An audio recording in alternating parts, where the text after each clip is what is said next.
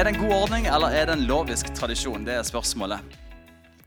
Jeg har lyst til å bare sette en standard først. Og det er det at ethvert område i livet mitt som ikke er underordna Guds gode vilje og hans ord og sannhet, det er faktisk ei åpen dør til djevelens angrep og ytterste konsekvens åndelig død. Ah! Som regel så skal vi ha en litt sånn slow oppgang, og så kommer rollercoasteren. Vi er bare i gang nå. Enhver ting i vårt liv som lever i opprør mot Guds vilje, som ikke er underordna hans gode vilje for vårt liv Det kan være stolthet, det kan være bitterhet, det kan være seksualitet, det kan være relasjon, det kan være hva som helst. Der jeg velger Nei, Gud, jeg, dette vil jeg ikke ha noe med å gjøre. Dette ønsker jeg å ikke leve under. Det er åpen dør for åndelige angrep. Ja, men jeg er jo Guds barn. Jeg kan jo ikke altså, Jo, vi lever i en åndelig realitet der demoner jobber mot oss. Det er fakta. Enkelt og greit. Vi kan lese det i Jakob 4. Der står det at vær lydig mot Gud og stå djevelen imot, så skal han fly fra dere. Ok? Det er én ting. Og I Matteus 18 så forteller Jesus en lignelse om en mann som blir ettergitt hele gjelda si av en konge. Og I neste sekund så går denne mannen ut og krever skal ha den gjelda du skylder meg, til en annen mann. ikke sant? Og Dette han hører kongen rykte om, kaller han inn igjen, kaster han i fengsel, og han blir plagt av fangevokteren. Det er et bilde på at hvis jeg har ting i mitt liv der jeg ikke er villig til å leve i frihet, der jeg ikke er villig til å leve Guds, eh, under Guds eh, måte, ord og sannhet, der jeg eh, ikke ønsker å tilgi, eller hva det måtte være, der har jeg plutselig åpen dør til plage. Det er sant. Det er utgangspunktet. Og så er det dette med penger. da. Penger betyr forferdelig lite for Gud. Han bryr seg ikke. Han eier alt. Han er ikke opptatt av penger, men han vet at penger er jo enormt viktig for meg og for deg. Om du vil eller ikke. Det er kjempeviktig. Hele livet ditt handler om penger, for å si det rett ut. Har du ikke nok penger, så kan du ikke gjøre det. Har du ikke nok penger, så kan du ikke gjøre det. Har du nok penger, så har du frihet til det. Så har du mindre bekymring der. Du bruker tida di på jobb for å få penger for at du skal kunne leve. Penger er en enormt stor del av mitt og ditt liv. Og dette vet Gud. Så han er ikke men han er ikke interessert i penger, han er interessert i deg og ditt liv og ditt hjerte. Derfor snakker Bibelen enormt mye om penger og forvaltning. Kjempemasse. For han vet at dette er gode nyheter for meg og deg. Han ønsker at vi skal leve i frihet. At vi ikke skal, Jesus han advarer om at du kan ikke leve for Gud og mammon, altså penger. Lev kun for Gud. Penger er en fantastisk tjener i mitt og ditt liv, men det er en forferdelig herre i mitt og ditt liv. I det penger er sentrum av mitt liv, i det, i det penger, velstand og alt det som har med det å gjøre, er den som styrer livet mitt, så er det forferdelig å leve under. Penger er nok et verktøy i livet til meg og deg som skal være et redskap vi bruker, som tjener oss. Vi skal ikke være dens tjener. Vi skal være økonomien eller pengenes herre. Så spørsmålet da er må en kristen gi tiende. Den kan du godt få opp herrene. Må en kristen gi tiende? Og Det har jeg lyst til at vi rett og slett skal bruke ett minutt på nå og snakke med sidemannen. Og kanskje du bare Hva i all verden er tiende? liksom? Jeg kjenner ikke til prinsippet. Kanskje du er her for første gang, og jeg er jo ikke kristen engang. ikke sant? Men, men eh, prøv å gjøre det beste ut av det. Men tiende er jo et prinsipp det at vi gir en tiendedel. 10% av det vi får inn, gir jeg tilbake til Gud. Det er tiende. Så jeg har lyst til at du resten bare tar og bryter litt komfortsonen og bare snakker litt, snakke litt høyt om det. Hva er det for noe? Og må en kristen gi tiende? Med understrek på 'må' en kristen gi tiende. Ta Bruk et minutt. Det blir sikkert masse interessante samtaler nå. Så bra. Da starter vi igjen. Kanskje du har blitt provosert, kanskje du har blitt irritert. Kanskje du ikke tenker noen ting, eller tenker du kanskje har gått et opp for lys for deg. Wow, Tiende er jo kjempeviktig. I don't know. Jeg håper du skal bli litt klokere nå. Jeg skal ha opp neste slide, og så skal jeg gå fort igjennom en del ting. Hva sier Gamle testamentet om tiende?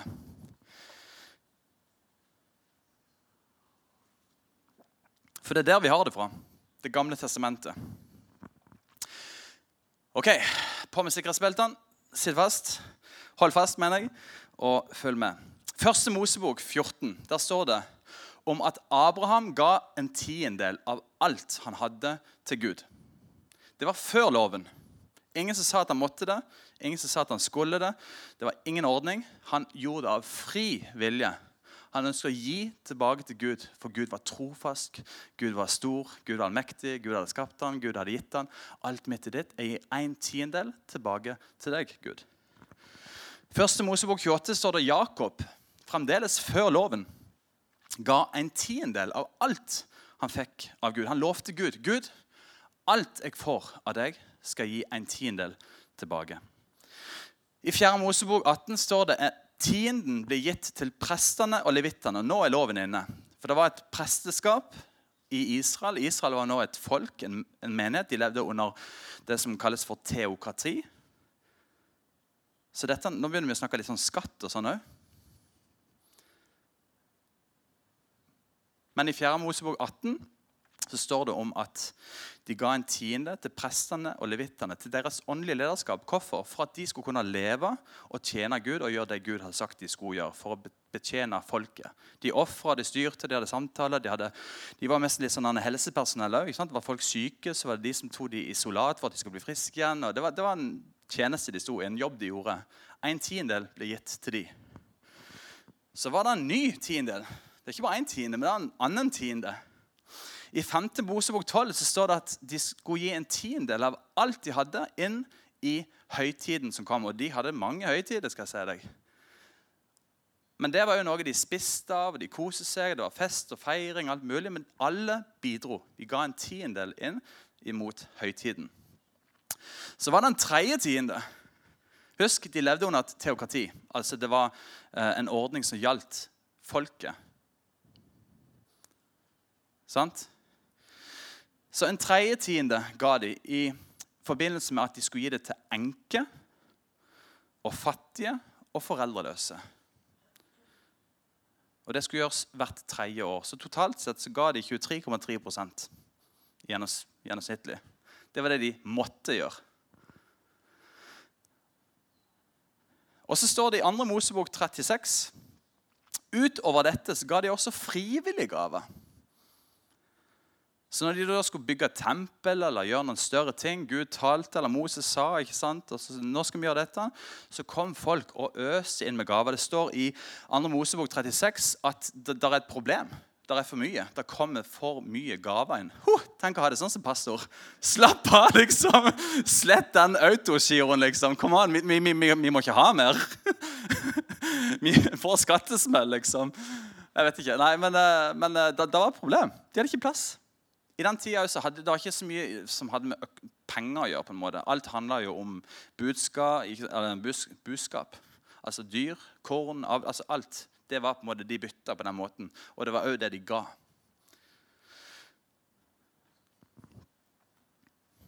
Så de ga frivillige gaver òg. I ordspråkene 39, nei, 3.9 så står det 'Gi Herren ære med det du eier' med førstegrøden av hele din avling. Så tienden det handler om hvor mye, og førstegrøten førstegrøden handler om kvaliteten. Førstegrøden er liksom det første og det beste. Det var det de satte av, og de ga en tiendedel av alt det de hadde, inn til Guds hus. Så det israelsfolket sa på en måte med denne gjerningen, denne handlingen som var lov, eller Abraham og Jakob gjorde det før loven, men når loven kom inn for alle mennesker i Israel. Det hun sa, var at, at den er villig til å underordne seg Guds gode vilje. At vi har tillit til Gud, at det er Han som forsørger oss. Og vi anerkjenner at vi har et ansvar for vårt åndelige lederskap. Vi løfter opp sannheten om at alt vi har, det har vi fått fra Gud. Det var det de proklamerte og forkynte med å gjøre denne gjerningen. Og I dette så lovte Gud om at dere skal ikke mangle noen ting. Jeg skal velsigne dere. En tillitshandling, en lydighetshandling. Og så kan vi lese i Malaki 3, 8-10. Da begynner det å bli, bli, litt gale, rett og slett. Uh, jeg talte om nattvern her for noen søndager siden. Da brukte jeg utgangspunktet for det. her, For det, ting var rett og slett Israelsfolket hadde mista fokuset på det de holdt på med. Uh, de gjorde det De holdt rammene. ikke sant? De gjorde det de skulle gjøre. Men Gud han hadde noe mot dem, for det var virkelig ikke av et hjerte. Det var ikke lenger førstegrøden. Var det tre fugler som ble født, og en var brukket vinge, og ofrer vi den til Gud, så kan jeg ha de to andre sjøl. Eh, rammen var på plass. De gjorde det religiøse, som på en måte var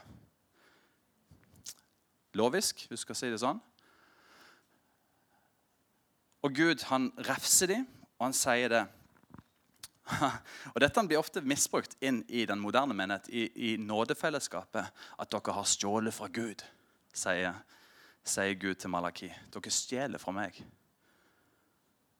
Noen som har hørt den forkynnelsen inn i kristen, uh, inn i nådetida? da? Har dere hørt en sånn forkynnelse? Altså Hvis du ikke gir tiden, da du stjeler fra Gud. For den tilhører Gud. Det er feil. Det er vranglære. Alt du har, tilhører Gud. Alt. Mic drop. Men det er henta fra den gamle pakt, for det tilhørte Gud. Gud har sagt sånn er det. Så israelsfolket stjal fra Gud. Men så kom han med en utfordring, og dette bruker vi òg, for det her er jo bra. Han sa at Prøv meg på dette. Altså, Gi tienden. Gi av førstegrøten. Prøv meg på dette. Så skal jeg overøse med velsignelse og nåde. Og Det var jo sånn Israel levde. Vær lydig, opplev velsignelse. De fikk velsignelse, ble ulydige.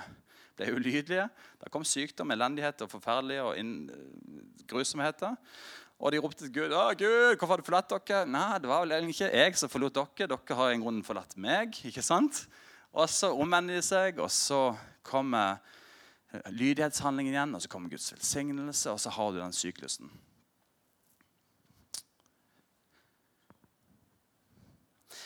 Men å si at hvis du ikke betaler tiende her, her, vil jeg være frimodig. Hvis du ikke betaler tiende, så er det ikke å stjele fra Gud. Det er et enda mer alvorlig eh, tilfelle. Det er det at Gud har ikke har, da har du ikke, det har ikke med tiende å gjøre, men hvor er barmhjertigheten? Hvor er ønsket om å være med og velsigne? Hvor er gjestfriheten? Hvor er givergleden henne? Har du egentlig, kjenner du egentlig Jesus? Hvis du ikke ønsker å velsigne menigheten du er en del av, hvis du ikke ønsker å velsigne naboene dine, hvis du ikke ønsker å velsigne familien din, prosjektet ute i Thailand eller hva det er for noe, ja, har han egentlig fått rom i hjertet ditt? Hva sier Nytestamentet, da? Det er jo litt mer interessant. For det er jo tross alt under, under den nytestamentlige delen av Bibelen vi lever i. Henger dere med, liksom? Det er litt som bibeltime, men jeg tror det her er viktig. Det her er bra. Går det greit? Så bra. Bare for å si det, Ulf Ekman han sa det at hvis du opplever at tienden er lovisk, så bare gi 11% Da er du kvitt det problemet. Lever ikke under loven lenger. Bare raise the bar. Jesus I Matteus 23, 23 så peker han på tiden og sier at den er nødvendig. Jesus han var en god jøde. Han levde under loven, og han praktiserte loven. Det står at fariserer oppsøkte han, at han spiste òg med fariserer. Ikke bare syndere, men òg fariserer. Og for at i hele tatt en fariseer kunne sette seg ned med Jesus og spise under samme tak med han, så var han nødt til å oppfylle loven. En fariseer kunne ikke sitte ned med syndere. Det var jo det Jesus ble refsa med. Jesus han gjorde noe annet igjen. Han satte seg ned med mennesker som ikke oppfylte loven. Som brøyd renselsesskikkene og spiste ditt og datt. Jesus på en måte, han, han, oppførte seg ikke på den måten som var forventa av en god jøde. Men Jesus sjøl praktiserte det mest sannsynlig. For fariseere satte seg ned og spiste med han. Så Jesus han vokste opp i en kultur der tienden var normalt. Det gjør vi. Og det gjorde nok mest sannsynligvis Jesus òg. Og han peker på i 23.23 23, at at den er nødvendig. Tiden er nødvendig, sier han. Og så vender han òg må det refsen tilbake til fariseerne og sier men hva blir det av barmhjertighetshandlingene? Hva blir det av de gode, gode gjerningene? Kan ikke bare betale tiden og tenke at alt er godt. Det handler om en hjertesak. Jesus han hadde en tendens til å sette standarden litt opp, eller veldig opp, når han, eh, og sier ikke sant? Dere har hørt at ikke gjør sånn eller gjør sånn. Og så setter bare Jesus standarden enda høyere. ikke sant? For eksempel, du skal ikke drive hor. Jesus sier ja, hvis en mann har sett på en kvinne og begjært henne i sitt hjerte, så har han drevet hor. Altså Standarden er jo kjempehøy. Og på samme måte så vil jeg si at det her med tiende, eller det å være raus og gi andre mennesker, gi menigheten eller hva som helst, det handler ikke lenger om en 10% det handler om alt. Hele mitt liv er Guds.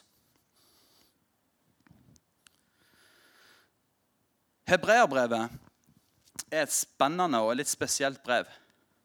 Der står det om en som heter Melkisedek. Og Melkisedek var den presten som Abraham ga sin tiende til. Så tienden ble gitt til Gud via en prest. Òg i Israel. Tienden ble gitt inn til prestene og levittene, altså til Gud, via det åndelige lederskapet. Og Det står i Hebreerbrevet at Melkisedek var et forbilde på Kristus. Og hvem er Kristus for meg og deg i dag? Jo, han er hodet over menigheten. På samme måte kan vi si at kanskje, For det står det at, at på samme måte som Abraham eh, gjorde gode gjerninger og, og, gjorde det rette i Guds øyne, skal vi òg gjøre. Vi er òg Abrahams barn, står det i Galaterbrevet nå. Og Hvis en tar en pause og tenker du bare, hva, hva, hva mener han egentlig? Er han for tiende, eller er han imot tiende? vi kommer til det. I apostlenes gjerninger så står det ingenting. Ingenting om tiende. Det står at de ga alt. De solgte eiendommene sine, de solgte alt det de hadde, og ga inn til hvem? Lederne i menigheten. For at de skulle forvalte dette videre til mennesker som trengte det. De solgte alt. Så kan du velge 10% eller alt.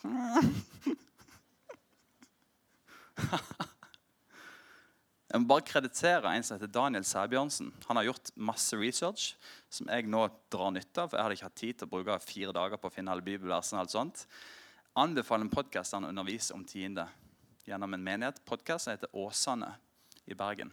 Passion Åsane. Han underviser nydelig om dette. Så står det òg i Apostlenes gjerninger om at de troende var sjenerøse, og at det var stor nåde over deres liv. Så de var sjenerøse, de ga alt. De levde uselvisk, de var barmhjertige, de var rause. I 2. Korinterbrev 9 så, står, så underviser Paulus om at den som sår sparsomt, den skal høste sparsomt. Altså Den som gir lite, den kommer til å få lite. Apostlenes gjerninger, kapittel 15, så er de samla i uh, lurer på om det er i, uh, De har et apostelmøte i Jerusalem. For det, Nå begynner hedningene, altså de som ikke var jøder, de begynner å bli kristne. Hva i all verden skal vi gjøre? De er jo ikke omskjært. Ikke Alle har jo vært omskjært tidligere. Skal de omskjæres? Skal de ikke omskjæres? Og de har en møte. Hvordan skal vi behandle dette? De velger da at nei, det trenger de ikke. De er ikke lenger under loven. Så står det òg en annen ting som de løfter opp. Husk de fattige. I 1. Korinterbrev 9,11 står det hvis noen gir dere åndelig mat Da snakker han om i et menighetsfellesskap der det er åndelige ledere. Hvis de gir dere åndelig mat, så skal dere gi dem materielle goder.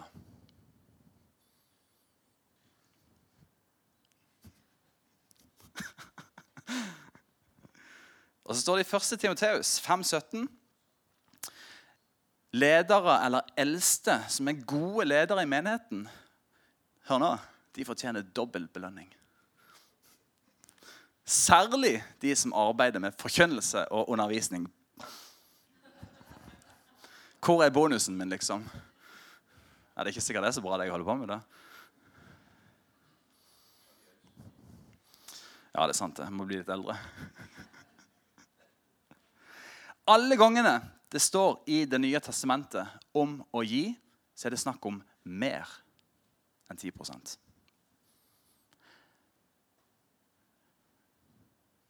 I Apostlenes gjerninger som sagt, så står det at de ga alt. Det er radikalt. Og så kan vi jo ta oss og gå og tenke litt de første 100 årene etter Kristus. Hva praktiserte Oldkirken? Hva praktiserte de første kristne? Det var, det var beinradikalt, altså. Etter hvert så ble det jo litt press fra Roma og den katolske kirke. Ingen skulle ha noen ting. Alt skulle inn til Roma. Du ser jo hvordan Vatikanet ser ut. Det er jo bare gull og marmor. og det er jo... Men de første kristne altså det er viktig, Vi som litt sånn karismatiske, pentekostale, utradisjonelle mennesker vi, vi har noe å lære når det kommer til tradisjon. For tradisjon er viktig. Det er ikke sånn ja, drit i tradisjon, vi er frie. vi har alle en form for tradisjon, og det er viktig å se på tradisjon, for tradisjonen kan lære oss ting. Når vi ser på tradisjonen til de første kristne, så var det ja, Jødene var under loven, men vi som har blitt nåde, skal ikke vi gjennom mer? Irenius um, ja, Flere av de oldkirkefedrene de var kjemperadikale. Gi alt. Tjen Herren med glede. Selg alt du har. Gi ditt liv til Jesus. Og ikke bare troa di, men hele livet. Så oppsummering. Gamle testamentet. Abraham Jakob de ga tiende før loven kom. Under loven så ga Israel det de skulle gjøre, for det var ordningen. Det var for deres eget beste, det var for Israels beste. Når de begynte å hangle med det, så begynte det å skje ulykke. Kall det det da. Ting gikk ikke så bra med dem. De kristne de løfta standarden, de ga alt i Det nye testamentet. Jesus anerkjenner tienden og sier at visst skal du betale tienden. Og Apostlenes gjerninger, der er det bare all in. Barna Group en svær organisasjon i USA som driver på med undersøkelse i uh, spesielt kristenheten. Og De har gjort en undersøkelse, og jeg tenker den er, den er, den er tankevekkende. For Barna Group har undersøkt og funnet ut det at Eller la en ta en forhistorie. da. I Gamle testamentet var det 10% Nytestamentet var det alt. Oldkirken var det på en måte fremdeles alt. Og de pekte på tiden som en god ting som vi fortsetter å gjøre for å tjene Gud og mennesker. Og fram til den dag i dag har mennesker praktisert denne gode ordningen innenfor Gud og for mennesker. Men i det, den vestlige delen av verden begynte å bli rikere, så skulle du tro vi ga bare enda mer. Men det har ikke skjedd. Det er mennesker i den vestlige delen av verden som har mye penger, som begynner å stille spørsmål. Ja, skal vi gi så mye? Ikke sant? Og begynner Nei, men det er mitt. Uh, mens går du til utviklingsland der det er fattigdom, så praktiserer de dette og enda mer. En helt annen form for frihet. Sånn Barna Group-undersøkelsen viser den at jo mer en kristen tjener i USA, jo mindre gir de. Skal det være sånn? Nei, det skal jo ikke det.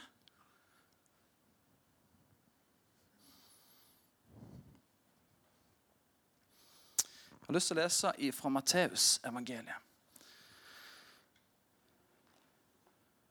Eller jeg skal ikke lese, jeg skal bare fortelle. Nei, jeg skal lese. I kapittel 10 Nei, unnskyld. Markus evangelium. Markus, kapittel 10, vers 17.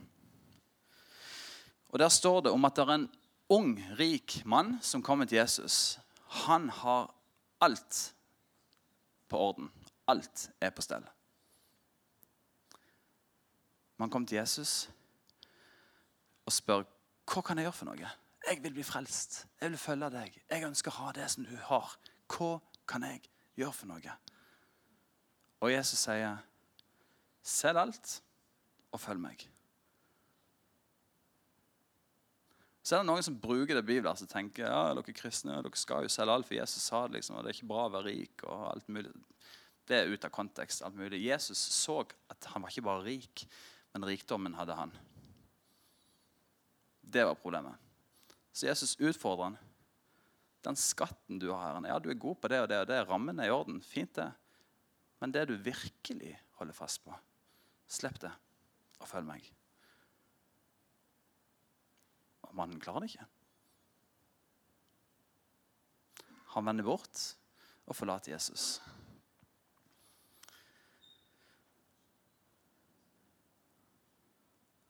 Ja, Jeg ble ikke til å lese den likevel. Kanskje det er greit.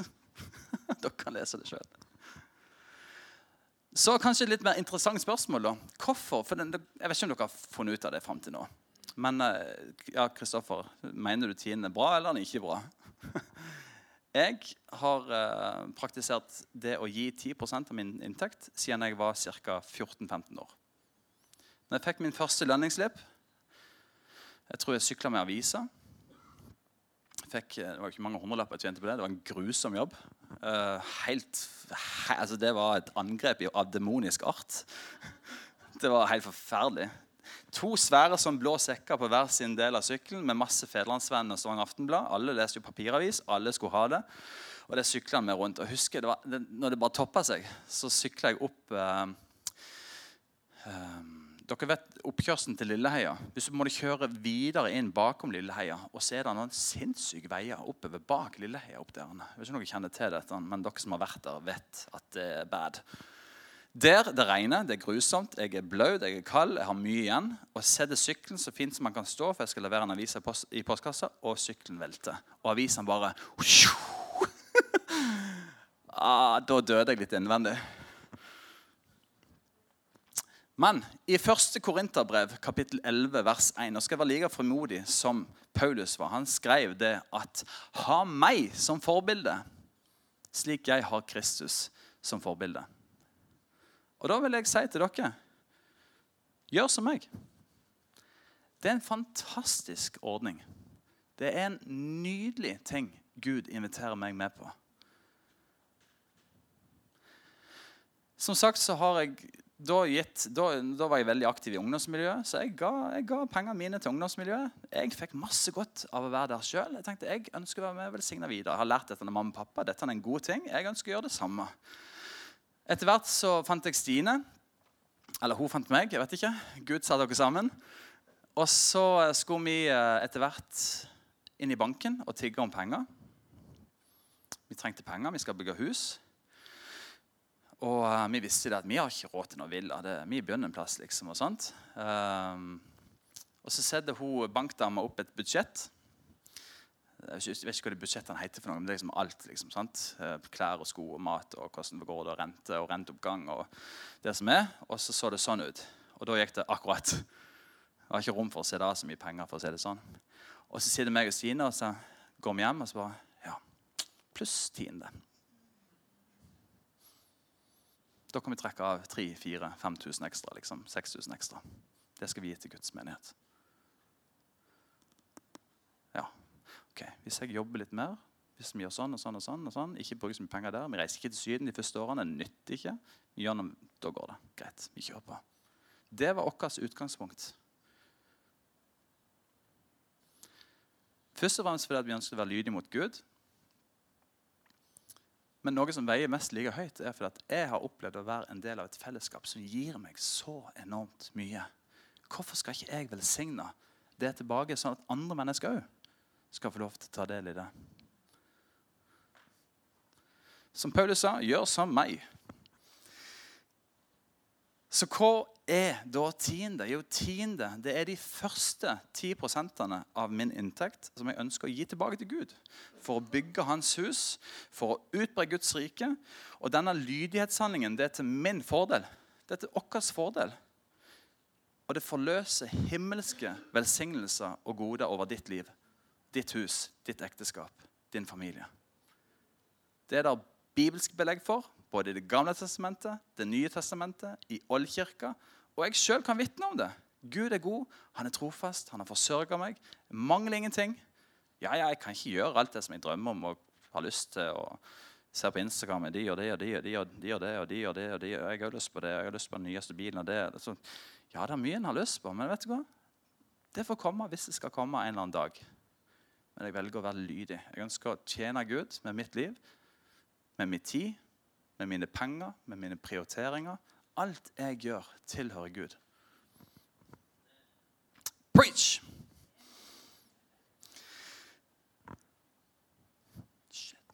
Tida går fort. Jeg har ti minutter til, tenker jeg. Jeg er nødt til å, jeg er nødt til å dele det jeg hadde en gøy illustrasjon, men det får jeg heller ta med en kollekttale en gang. Uh, den tar jeg seinere. Men jeg velger å stole på Gud med mine 90 ved å gi han mine 10 Det er en troshandling, det er en tillitserklæring. Det er et valg meg og Stine har tatt. Det er et valg mange tar, og det er til velsignelse for Guds rike. Så nummer én jeg har lyst til å være lydig. Det er punkt nummer én. Jeg vil være lydig. Jeg ønsker å være lydig mot Gud. Mot Bibelen, mot det tradisjonen har vist meg. Jeg ønsker å tro til Gud. Jeg ønsker å være lydig mot Han. Nummer to er at jeg har en tanke. Det kan være du har det, men jeg virker ønsker å leve det ut så godt som jeg kan, så langt som jeg har kommet, om at alt jeg har, det tilhører Gud. Så hvis, hvis Gud nå sier til meg i en drøm Kristoffer, selg bilen din og kjøp, kjøp en Honda Accord 1995-modell, ja vel, så vil jeg gjøre det. Eller hvis Gud sier at Kristoffer, nå, nå skal du gjøre den og den justeringen, som kanskje egentlig er et lite offer for meg, ja, så vil jeg gjøre det. Jeg ønsker å være lydig. For alt jeg har, det tilhører Gud. Det tredje er at jeg ønsker å investere inn i evigheten. Jeg vet at det jeg gjør, det jeg gir av min tid og mine penger, det er med å påvirke evigheten til mange mennesker. Og du kan si Det sånn, det lille livet jeg lever herrene, det er en liten fis ut i kalde atmosfæren. Det er så lite å kalle det ubetydelig rent objektivt sett. Og så strever vi livet vårt for å få en skikkelig god pensjonistordning. Eller vi strever livet vårt for å ha det flotteste huset i gata. Eller vi strever livet vårt for å ha den nyeste Tesla-modellen. Eller vi strever livet vårt for å ha den nyeste iPhone. Vi strever livet vårt for å få, få, få. Og så en dag er du død. Og det, seriøst, Du får ikke med deg noen flyttelass til himmelen. altså. Det er ikke noe sånn flyttebyrå som kommer og frakter med deg hele villaen din og bilen din og telefonene dine. og alt mulig greier. Dette er ikke et budskap om at vi skal leve spartansk, simpelt og enkelt. Jeg tror kristne skal leve i overflod. Vi skal være de rikeste av de rikeste fordi vi underordner Gud.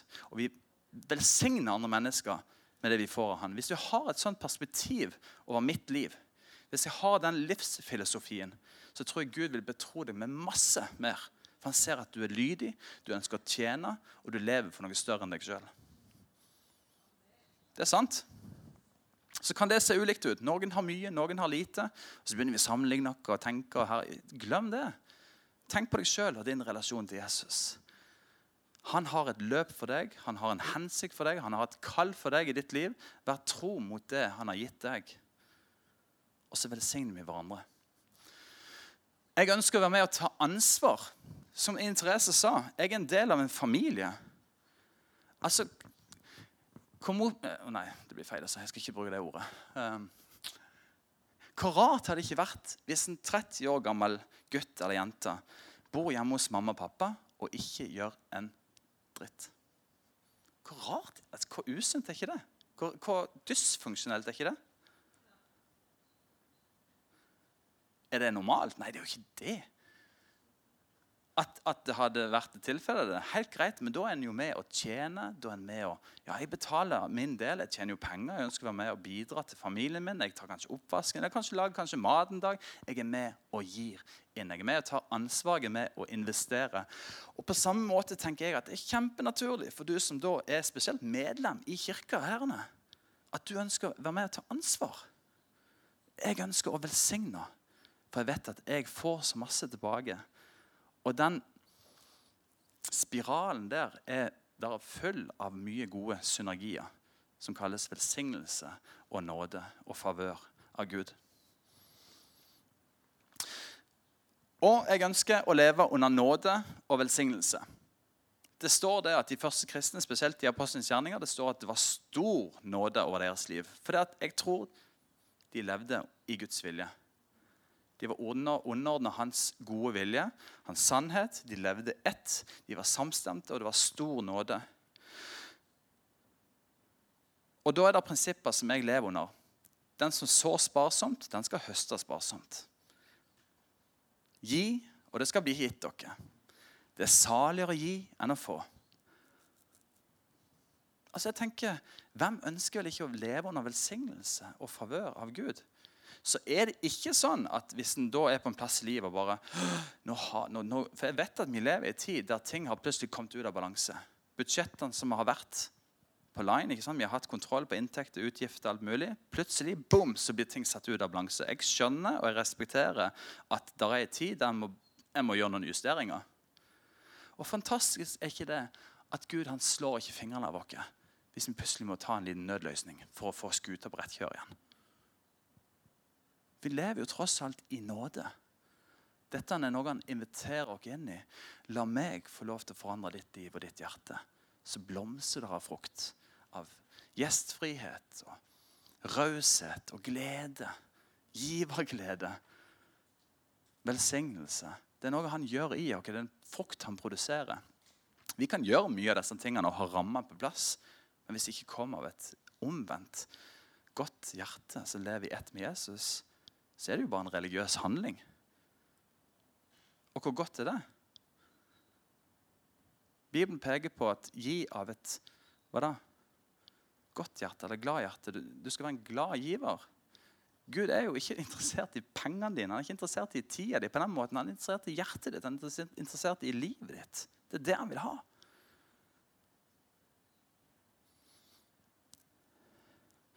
Så til slutt, kort, litt sånn oppsummert.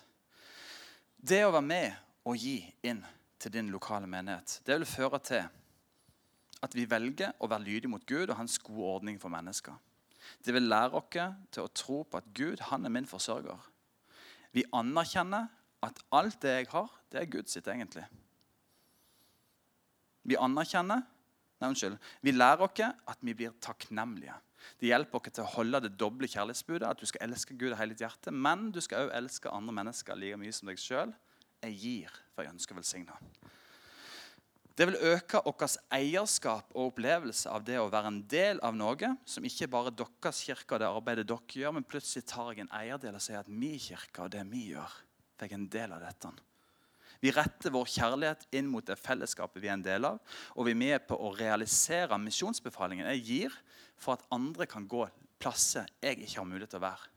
Jeg har ikke mulighet til å være på kafeen om morgenen hver morgen, men jeg gir sånn at jeg òg kan være med på det. Jeg har ikke mulighet til å være i Thailand og hjelpe barn som opplever misbruk og blir solgt i trafficking, løse, men jeg gir for at jeg vet menigheten vår den gir pengene der, så vi redder ett og ett og ett barn. Jeg gir sånn at mennesker i Øst-Europa får lov til å bli kjent med Jesus, få sine liv forandra. Jeg kan ikke reise ned der og gjøre det samme, men jeg gir sånn at andre kan gjøre det for meg. Vi er med på å realisere Guds bud og kall for vårt liv med å leve et raust liv der jeg lever for noe større enn meg sjøl. Og med mine gaver, med mitt liv, med min tid, med den jeg er, så har jeg tro på at andre opplever å bli velsigna. Jeg har fått lov til å vokse opp som et barn, som en ungdom, i en menighet fordi at andre som tjente penger når jeg ikke sjøl gjorde det, var villige til å gi så har jeg lært Jesus å kjenne, så har jeg fått venner, så har jeg blitt utfordra, har fått noen oppgaver, jeg har fått lov til å være en del av noe større enn meg sjøl. Og fått lov til å bare drikke helt gratis for at andre mennesker levde for noe større enn seg sjøl. Det er det som er så fantastisk med å være en del av en menighet. Så svaret på spørsmålet må en kristen gi en tiende. Kan vi stille et annet spørsmål? Må en kristen be? Må du be i tunge? Må du ut og evangelisere? Nei, du må jo ingenting. Men må du be i tunge? Nei, ikke hvis du ikke vil bli oppbygd. Må du evangelisere om Jesus? Nei, ikke hvis du ikke ønsker at mennesker skal bli kjent med han. Må du gi av din tiende? Nei, ikke hvis du ikke ønsker å få velsignelse og stor nåde over livet ditt. Han inviterer oss til å være en del av noe større.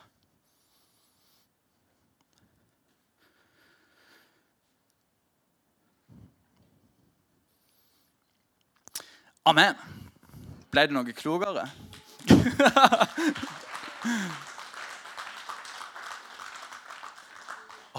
Perspektivet mitt kan jo være at å, det er litt kjipt å levere sånne taler. og det er jo fordi at, jeg, altså, for å si det rett ut, jeg er ikke interessert i å få noen ting av dere. Men perspektivet mitt må jo være at Gud ønsker å gi deg mulighet så han kan velsigne deg. At du kan oppleve åndelig vekst og framgang i livet ditt. Så hvis ikke jeg er lydig og formidler dette til dere, så lurer jeg. Altså Dere kan jo bli lurt av å ikke få greie på for en velsignelse det er å være en del av noe større enn meg sjøl. Så dette, både det å være med å tjene, det å være med i oppgaver, det å gi av tida si, det å være med å gi av pengene sine, er jo rett og slett bare en invitasjon til å oppleve velsignelse og framgang og overflod i livet sitt. Så hvis du ikke har lyst på det, så hold pengene for deg sjøl. Hvis du ikke har lyst på det, så keep it. Takker deg, Jesus, for at i din nåde så er alt gjort. Vi trenger ikke gjøre noen ting for å verken oppleve bekreftelse eller